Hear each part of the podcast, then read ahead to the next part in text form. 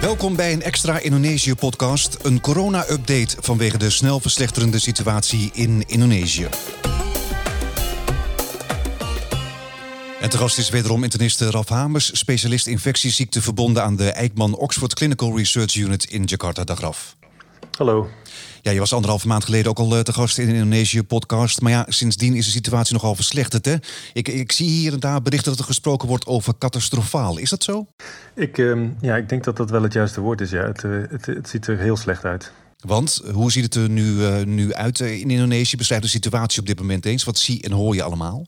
Ja, um, ja het gaat natuurlijk. Het grootste probleem nu is, is dat de epidemie enorm uh, snel toeneemt. En nou, dat, zijn, dat zijn getallen die per dag uh, ja, met, met duizenden stijgen, dus nieuwe infecties. En je ziet dat terug in het uh, zorgsysteem. Um, nou, verhalen zijn in de grote steden op Java met name dat ziekenhuizen totaal overlopen worden door patiënten. Dus ehm, de stroom van patiënten kunnen ze niet aan. Mensen worden voor, de, voor het ziekenhuis opgevangen in provisorische tenten en worden als intensive care patiënt in de eerste hulp verpleegd. Of we komen helemaal niet toe aan een bed en worden gewoon in een stoel gezet en moeten wachten op zorg. En dat duurt vaak uren tot dagen. En ik heb ook verhalen gehoord dat mensen dus uh, overlijden in die rij. Dus dat ze eigenlijk helemaal niet meer toekomen aan, uh, aan toegang, tot zorg. En daarbij denk ik dat er ook nog een verborgen groep is van mensen die helemaal niet naar het, uh, naar het ziekenhuis komen. Omdat ze ja, bang zijn en thuis afwachten. En dan uiteindelijk te laat zijn om naar, nog naar het ziekenhuis te gaan. Dus er is denk ik wel echt ja, een groot drama dat zich afspeelt op dit moment. Ja, maar waarom zijn mensen bang om naar het ziekenhuis te gaan? Omdat er geen ruimte is of omdat ze bang zijn dat ze stigma krijgen dat ze corona hebben? Nou, het speelt denk ik allebei. Ik denk dat ze uh, nu met name bang zijn omdat ze weten dat de situatie in de ziekenhuis heel slecht is. Dus mensen die denken, ik, ik kan nog wel even thuis uitzingen, die zullen dat ook proberen. En als het dan te laat is, ja, dan gaan ze naar het ziekenhuis. En dan is er normaal gesproken wel, denk ik, snel hulp voorhanden, maar nu niet. Dus nu moet je dan achteraan sluiten en dan, uh, ja, dan kom je te laat. Ja. En daarna speelt er ook wel stigma. Dus, dus een heel, op een heel ander vlak zijn mensen ook bang om ze te laten testen en uh, het label corona te krijgen, omdat ze ja, dan worden, met de nek worden aangekeken door hun, hun omgeving. Ik denk dat dat zeker een groot probleem speelt. En dat, is ook, dat heeft dan weer zijn weerslag op de bereidwilligheid om te, zich te laten testen.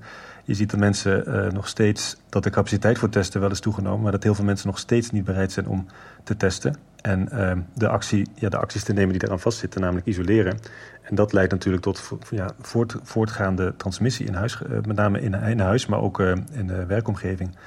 En dat wordt allemaal nu nog een gaatje erger gemaakt door de nieuwe variant. Dus die, die Delta-variant die, uh, die uh, door de hele wereld de kop opsteekt, die is ook in Indonesië ontdekt. En die neemt snel, uh, ja, die neemt snel zeg maar, alle besmettingen over. Dus dat groeit binnen een paar weken nu van 50% naar ja, het, het merendeel van de besmettingen. En je, uh, ja, we weten nu gewoon dat uh, de besmettelijkheid 50, 60 procent hoger is dan van de eerdere varianten. Mm -hmm. En dat leidt ook tot grotere uitbraakjes. Dus als er een patiënt is in een, in een laten we zeggen, een huishouden, leidt dat direct tot een besmettingen van al, alle huisgenoten. Zo snel gaat het. En ik denk dat dat een belangrijke factor is die nu ervoor zorgt dat het uh, zo snel gaat. Dus je zag eerder in die eerdere, uh, eerdere piek ook een snelle stijging. Maar die stijging zoals het nu gaat is echt ongekend. Ja, maar berichten dus inderdaad dat de ziekenhuizen vol zitten... en een tekort aan zuurstof en medicijnen. En mensen worden dus ook gewoon weer naar huis gestuurd. Ja, ik denk dat... Uh, ik weet niet of ze echt naar huis gestuurd worden actief... maar ik denk wel dat ze uh, gewoon uh, nul op het request krijgen. Dus dat ze gewoon in de rij, rij gaan staan zonder enig uitzicht op hulp en dan inderdaad misschien afdruipen of iets of wat elders proberen te zoeken. Veel mensen gaan shoppen en op zoek naar, zijn zelf op zoek naar uh, ja, waar is nog een bed in in een ziekenhuis. Mensen, er zijn uh, heel veel, heel veel is heel actief verkeer en er zijn ook sociale groepen die erbij proberen te helpen om mensen op de juiste plekken in ziekenhuizen te krijgen waar nog een bed voorhanden is. Um, dat is één ding. Het andere wat je ziet is dat prijzen van medicijnen dat mensen uh, enorm toenemen. Mensen hamsteren bijvoorbeeld zuurstof, hamsteren medicijnen die voorhanden zijn over de counter. En uh, dat drijft de prijzen op. Dus er gebeurt op allerlei, op allerlei vlakken zie je dat er tekorten zijn. En dat uit zich op deze manier. Ja, kan de gezondheidszorg het nog aan of, of is het op het randje inmiddels? Ik denk wel dat je kan spreken dat het op het randje is. Ja. En um, het, we zijn nog niet bij de piek. Kijk, de overheid heeft nu um, vrij strenge lockdown-maatregelen afgekondigd. Um, dat moet ertoe leiden dat er minder uh, social mixing is en minder sociale mobiliteit. Dus dat mensen gewoon minder samenkomen en het virus minder kans krijgt om over, overgedragen te worden. En um, we weten dat het werkt, want het heeft hier eerder in Indonesië ook gewerkt, uh, tijdens de eerdere pieken uh, afgelopen jaar.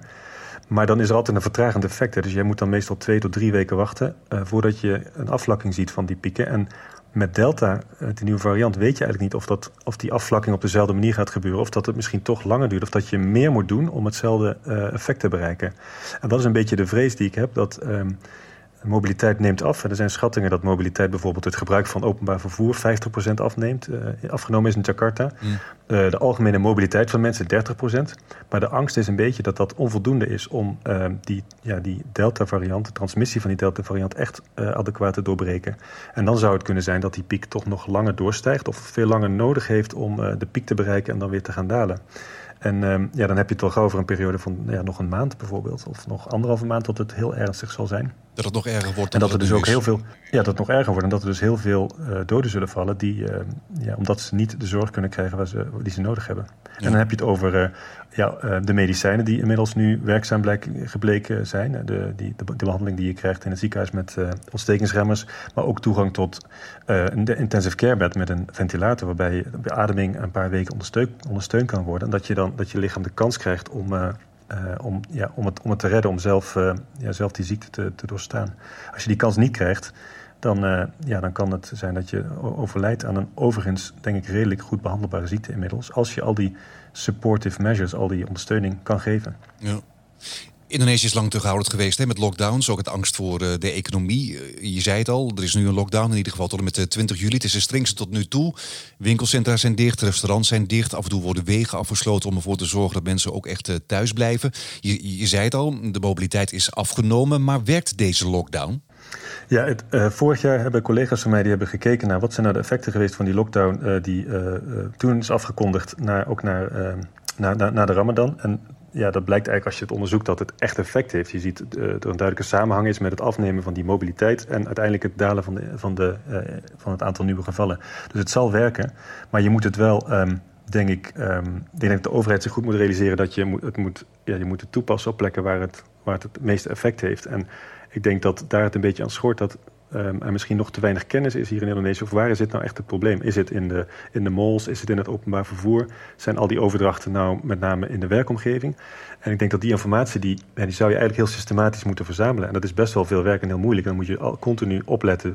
Uh, wat zijn de nieuwe gevallen? Wie hebben ze besmet? Uh, waar, waar komt het vandaan? En al die informatie, daar moet je van leren. En dan kun je ook, denk ik, veel meer een targeted lockdown doen... waarbij je maatregelen afkomt die het meeste effect heeft... en het minste pijn doen. En ik denk dat dat, um, ja, dat, dat er een beetje aan schort. Dat, dat die, die brei aan data, wat natuurlijk echt heel veel werk is en heel moeilijk is... dat, dat, niet, dat ze dat niet goed op een rij hebben altijd. Nee, en misschien ook uh, bang om hard op te treden... uit angst voor protesten of een opstand? Ja, dat zou kunnen. Ik denk dat uh, ja, het is de rode lijn geweest in het beleid in Indonesië, inderdaad, om te schipperen tussen uh, gezondheidszorg en de economie. En, economie klinkt dan heel abstract, maar dat is natuurlijk uiteindelijk gewoon uh, het, het, overleven van heel veel mensen. Die moeten gewoon elke dag kunnen werken, naar hun werk kunnen gaan om te kunnen overleven. Um, ja, er is, is, nog steeds niet de luxe dat mensen thuis kunnen gaan zitten, omdat er niemand is die ze gaat ondersteunen. Ja, de moskee misschien of andere ja, weldadigheid, maar, of liefdadigheid. Maar in elk geval dat zijn niet substantiële, uh, uh, substantiële steun die, die er is. Dus mensen moeten werken en de overheid, denk ik, uh, ziet dat heel goed in. Dus daarom denk ik dat ze ook erkennen dat ze niet keihard op slot kunnen gaan.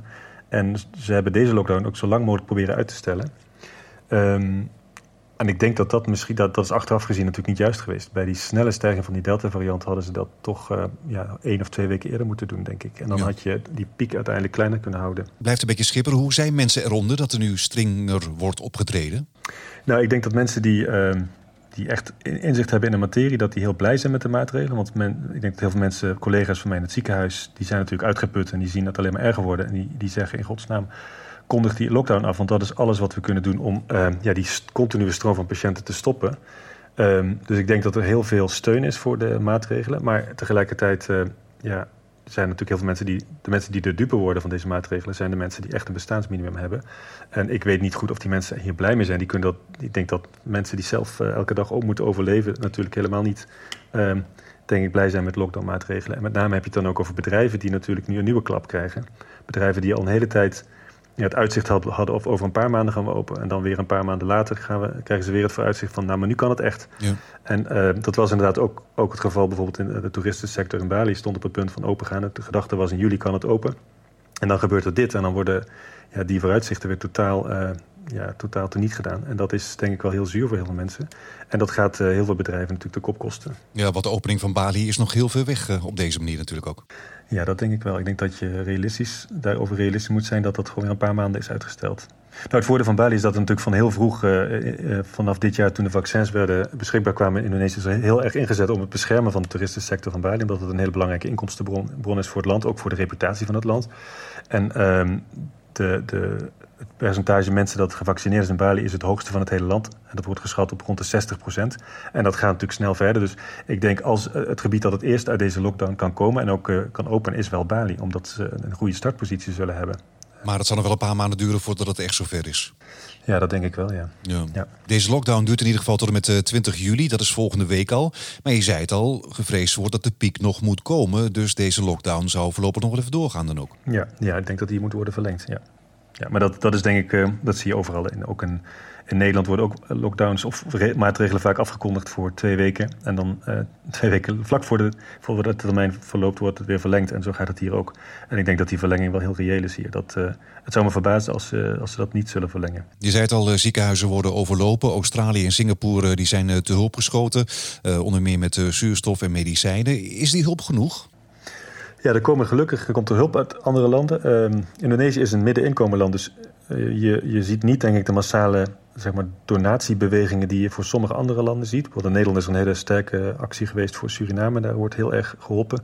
Indonesië heeft die status niet als een land dat heel veel hulp nodig heeft. En ze vragen het denk ik ook niet altijd. Uh, maar de hulp die er nu binnenkomt is inderdaad van Singapore, Australië, uh, Verenigde Staten doneert vaccins. Nederland heeft, ik geloof, 3 miljoen vaccins gedoneerd. 3 miljoen, ja. Ja, alles bij elkaar is dat natuurlijk geweldig. Maar het is wel een beetje een druppel op een gloeiende paard. Als je dan naar die vaccinaties kijkt, ja, 3 miljoen donaties, vaccins per land. Dus dan kom je op misschien nu 10 miljoen uh, nieuwe toezeggingen van vaccinaties. Uh, sommige via het COVAX-programma, dat wereldwijde samenwerkingsprogramma. Uiteindelijk is dat natuurlijk hartstikke mooi, 10 miljoen. Maar het doel van Indonesië is om de hele populatie te beschermen. Nou, de populatie is nu ongeveer 270 miljoen mensen. het doel um, van volwassen mensen die gevaccineerd zouden moeten worden... was gesteld op 181 miljoen. Dat beleid is nu een beetje zelfs uitgebreid... omdat het idee nu is dat je ook er verstandig aan doet om uh, mensen boven de 12 jaar, dus kinderen, ook te gaan vaccineren. Nou, dat heeft Indonesië ook omarmd. Dus ze willen vanaf uh, eh, 12 jaar vaccinaties gaan aanbieden. Dat betekent ook dat, dat, die moeilijke target van 181 nog hoger komt te liggen. Dus ze zullen, denk ik, um, ja, het gaat nog een hele lange tijd duren om, uh, om al die vaccins aan te leveren. En uiteindelijk haal je dat niet met die donaties. Zal het toch moeten komen um, uit hun eigen, eigen zak. En de, de grote deal die Indonesië nu weer gesloten heeft met China is om meer Sinovac aan te schaffen. Mm -hmm. En dat is uiteindelijk toch het werkbaar vaccin waar hier de meerderheid van de mensen mee gevaccineerd zullen worden. En dat, um, ja, dat zal ook zo blijven. Er zijn allerlei kanttekeningen plaatsen bij Sinovac. Het werkt wel. En het is waarschijnlijk niet het sterkste vaccin. Maar voor, voor het, uh, het doel dat je nastreeft, is, dat, is de bevolking beschermen tegen ernstige ziekten werkt het uh, denk ik redelijk goed. Maar, maar, maar goed, gezondheidspersoneel was al vroeg ingeënt met dat Chinese vaccin Sinovac. Maar toch zijn er berichten dat de mensen in de zorg overlijden. Ja, de getallen zijn inderdaad met name uit andere landen van Sinovac dat uh, het vrij goed werkt om ernstige ziekten te voorkomen. Dus dan heb je het over tussen de 80 en de 90 procent. Niet 100 procent. Dus er zijn nog steeds mensen die ernstig ziek kunnen worden na uh, volledige vaccinatie met Sinovac. Maar de bescherming tegen het besmet worden met het virus, dus dat je een milde ziekte krijgt of asymptomatisch blijft, die effectiviteit is veel lager, waarschijnlijk rond de 50 procent. Nou, dat betekent als je uh, in een bevolking die nog steeds uh, um, ja, het virus kan krijgen. En het, het, virus is maar voldoende aanwezig om, om, om duizenden, misschien wel miljoenen mensen te besmetten. Dat er altijd een klein deel van die mensen zal zijn die wel, wel ernstig ziek wordt. En dat, dat gaat ook de kwetsbare mensen bereiken. Dus uiteindelijk zul je door de omvang van de epidemie toch gewoon mensen ziek, zullen toch mensen ziek blijven worden, ondanks Sinovac. En dat is um, nog steeds waarschijnlijk, het is procentueel een klein deel, maar het zijn natuurlijk best wel veel mensen, omdat het om zo, zulke grote aantallen gaat. Ja. Um, en ik denk dat, uh, kijk, de media rapporteert natuurlijk ook um, de, de, ja, de ernstigste gevallen. Wat eigenlijk een beetje ontbreekt nu is uh, echt een goede, gewoon een, een, een of een berekening van wat zijn nou daadwerkelijk de getallen van mensen die na Sinovac ernstig ziek worden. Misschien klinkt het erger dan het is, dat zou nog best kunnen. Aan de andere kant zijn er nu ook concrete plannen. Uh, want Indonesië erkent dat er een probleem is dat er dus heel veel gezondheidswerkers ziek worden uh, in elk geval besmet worden met het virus. En ze kunnen daardoor ook niet werken. Dus je hebt gewoon een puur operationeel probleem. Je kan niet meer uh, de zorg bieden die je wil bieden. Ja. Ze hebben dus nu het plan, plan aangepakt om de moderne vaccins die uit de Verenigde Staten komen, om die in elk geval ter beschikking te stellen aan de gezondheidswerkers, zodat zij een booster krijgen. Dus na Sinovac nog een derde vaccin zou er dan gegeven worden om hun immuniteit, dus de afweer tegen corona, te versterken. En dat, uh, dat zal zeker wat helpen, maar ook daarvoor geldt dat er waarschijnlijk nog steeds gaten in die immuniteit zitten. Dus er zullen nog steeds mensen ziek kunnen blijven worden, maar hopelijk veel minder. Ja, dus een aantal, aantal miljoen vaccins komen vanuit het buitenland. Die worden nu dus ook ingezet voor gezondheidspersoneel. Er wordt dus ook flink ingezet op Sinovac. Maar ja, als je inderdaad zegt dat je ruim 200 miljoen mensen moet, moet inenten, dan ben je jaren verder. Ja, ja, het programma versnelt, dus, eh, dus per dag worden er steeds meer mensen gevaccineerd. Maar aan de andere kant stagneert het ook af en toe. En dat heeft ook te maken met de bereidwilligheid van mensen om uh, op te komen dagen, om te, om, uh, op te komen prikken. En de beschikbaarheid, de continue beschikbaarheid van vaccins. Dus de laatste maanden heb je, hebben we gezien, heb ik tenminste in Jakarta gezien, dat Um, de beschikbaarheid van Sinovac op een gegeven moment stagneerde. Dus toen was Sinovac op en toen werd voor, doorgevaccineerd met AstraZeneca. En vervolgens was AstraZeneca op, weer Sinovac. Dus het is afwisselend het een na het andere vaccin.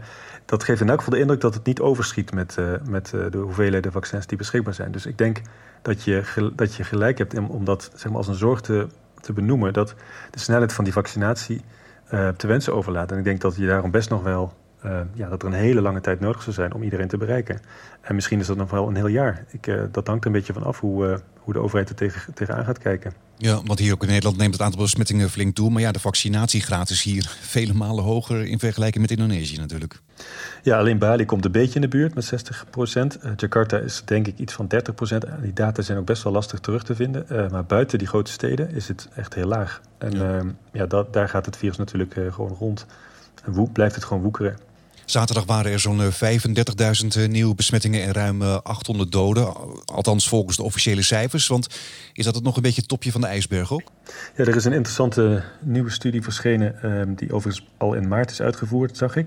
Dat is een, eigenlijk een vrij eenvoudig onderzoek... waarbij er gekeken is in Jakarta.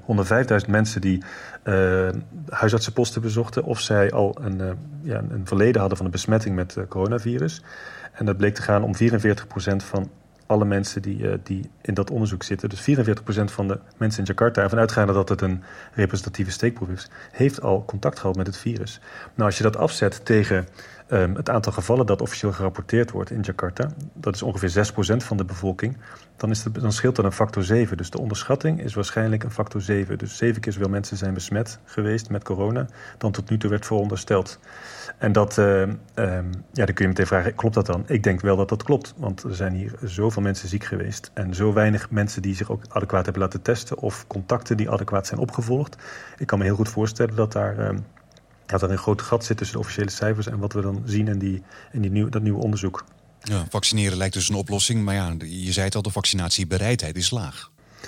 Nou ja, kijk, aan de ene kant uh, is er een enorme druk van de, er is een enorme druk van de overheid om te, om te vaccineren. Er wordt gesproken van uh, uh, ja, plicht om te vaccineren. Ik weet niet zo goed hoe dat in de praktijk uitwerkt. Ik denk wel, wat ik om me heen zie hier in de wijk, is dat um, de, de, zeg maar de laagste overheid, de RT, dat die echt van deur tot deur gaat om mensen aan te sporen om naar, om naar de vaccinatiepost te gaan.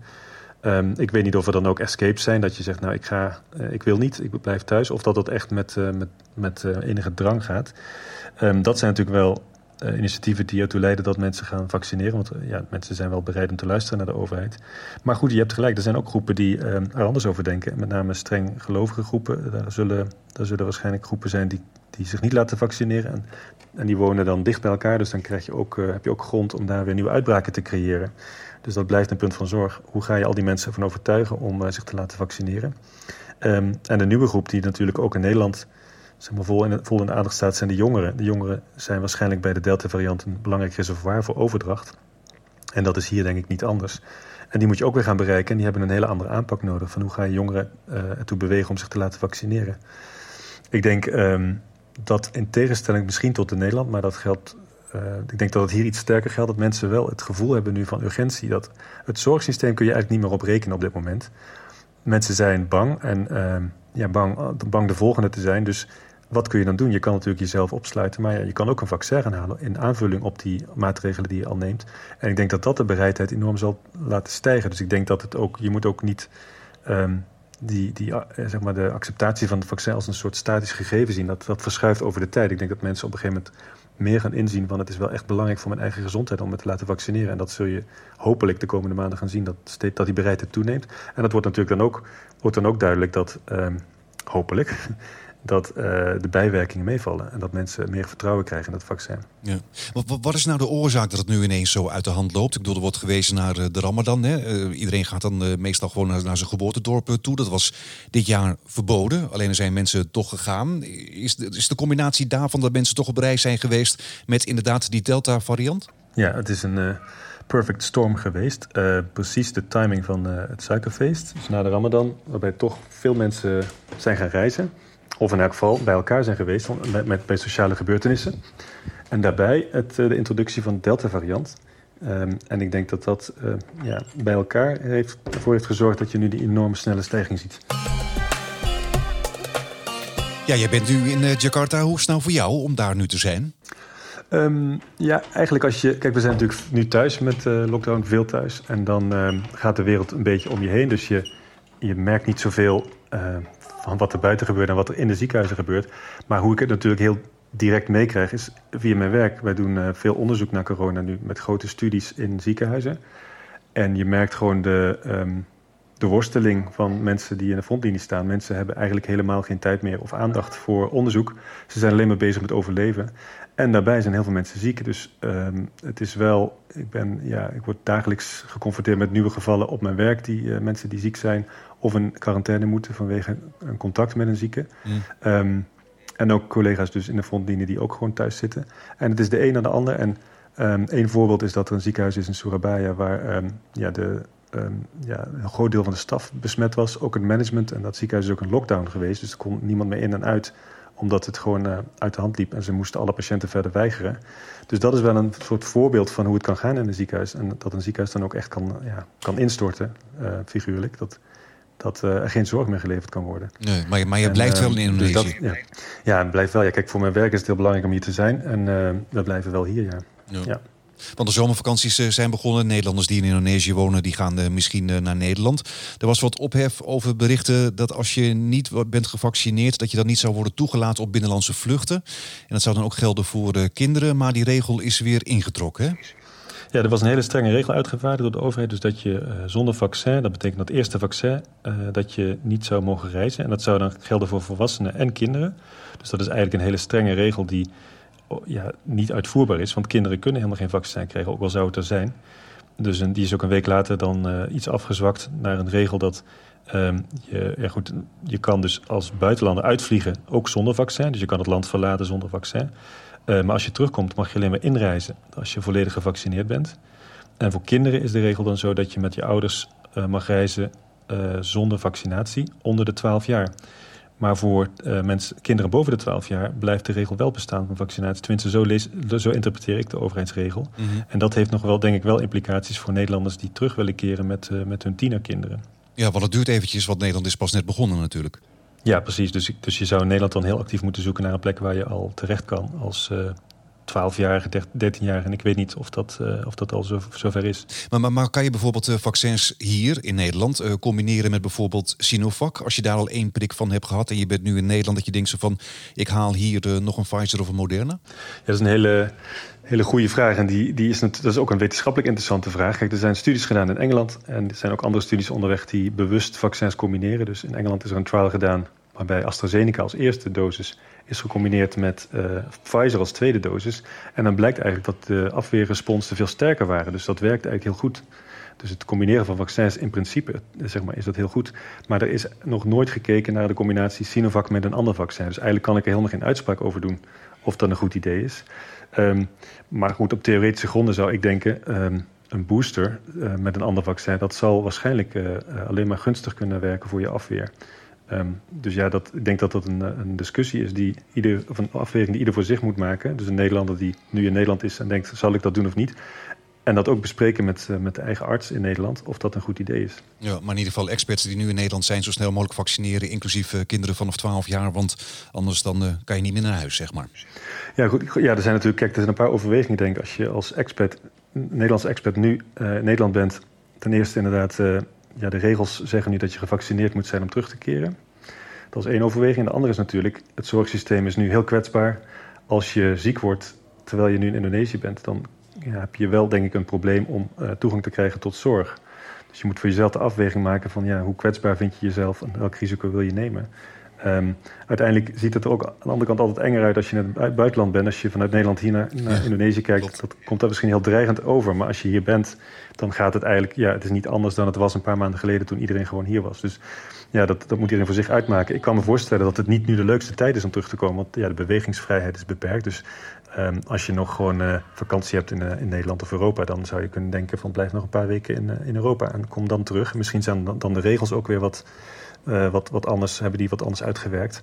Dat, uh, ja, het verandert hier zo snel. Wat als je bijvoorbeeld een blinde darmontsteking hebt, kan je dan gewoon naar het ziekenhuis? Of? Uh, nou, dat is lastig. Dat, ik denk dat het lastig te organiseren valt. Dat je, um, ja, kijk, misschien kun je nog wel naar een ziekenhuis, maar er is natuurlijk continu die, die, uh, dat risico op om zelf besmet te worden. Dus je, wat je ook doet in het ziekenhuis nu is ja, niet zonder risico om corona te krijgen. En je hebt, ja, wat je ook zegt, van, kun je nog wel een arts vinden en een faciliteit vinden die je dan gaat opereren. Um, de andere overweging is van ja, hoe gaat het dan met medische evacuaties? Nou, dat schijnt wel mogelijk te zijn, maar dat is niet heel snel geregeld. Want er zijn natuurlijk allerlei extra dingen waar nu naar gekeken wordt. En um, sommige landen weigeren uh, medische evacuaties op te nemen. Andere landen doen het wel, maar dat, uh, ja, dat daar gaat tijd overheen. En de vraag is of je die tijd dan hebt als je een medische urgentie hebt. Dus ik denk dat je, um, ja, als je jezelf, als je zeg maar niet helemaal gezond bent, je hebt een onderliggende ziekte of je bent kwetsbaar of je voelt je kwetsbaar, dan ja, moet je overwegen of je nog een paar weken in elk geval uh, beter niet kan terugkomen naar Indonesië. Nee. Je zei het al, de piek moet nog komen. Wat, wat moet er nog gebeuren zodat de situatie zal verbeteren? Um, uiteindelijk eh, ja, moeten we het hebben op de korte termijn van de, van de uh, beperkingsmaatregelen, dus de, de lockdown, zoals die dan heet. Um, en dat moet gewoon goed uitgevoerd worden door mensen. Mensen moeten dus, uh, ja, iedereen moet zijn verantwoordelijkheid nemen om sociale uh, bijeenkomsten te vermijden. Dus ja, als je geen contact hebt met andere mensen, of in elk geval de afstand houdt, of je doet dat buiten, dan doorbreek je de, de keten van transmissie. En als iedereen, of voldoende mensen dat doen, uh, in voldoende mate, dan zul je uh, na een paar weken ook een daling zien. Maar nogmaals, waarschijnlijk ligt, die, ligt zeg maar de inspanning die nodig is om die keten te doorbreken, ligt die inspanning hoger bij Delta dan bij andere varianten. Er is dus een sterkere inspanning nodig om nu, om nu die ja, die piek te doorbreken. Ja, want is er al iets te zeggen over wanneer Indonesië de situatie weer een beetje onder controle zou kunnen hebben? Ik bedoel, hebben we het dan over een paar maanden? Hebben we het over een half jaar? Hebben we het over een jaar?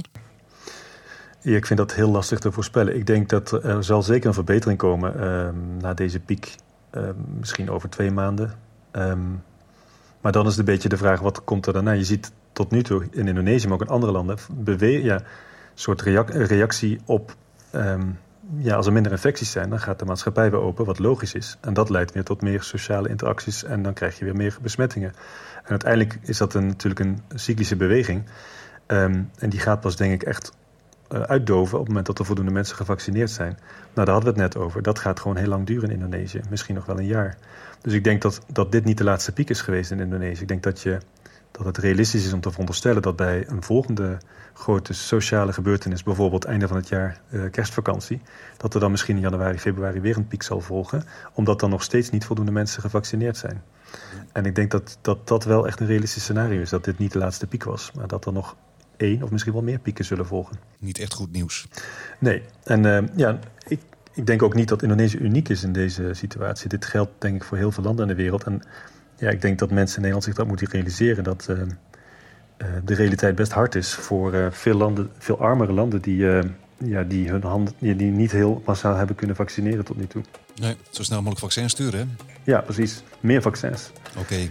Dankjewel, Raf Hamers, specialist infectieziekten verbonden aan de Eijkman Oxford Clinical Research Unit in Jakarta. Tot zover deze extra Indonesië-podcast met een corona-update.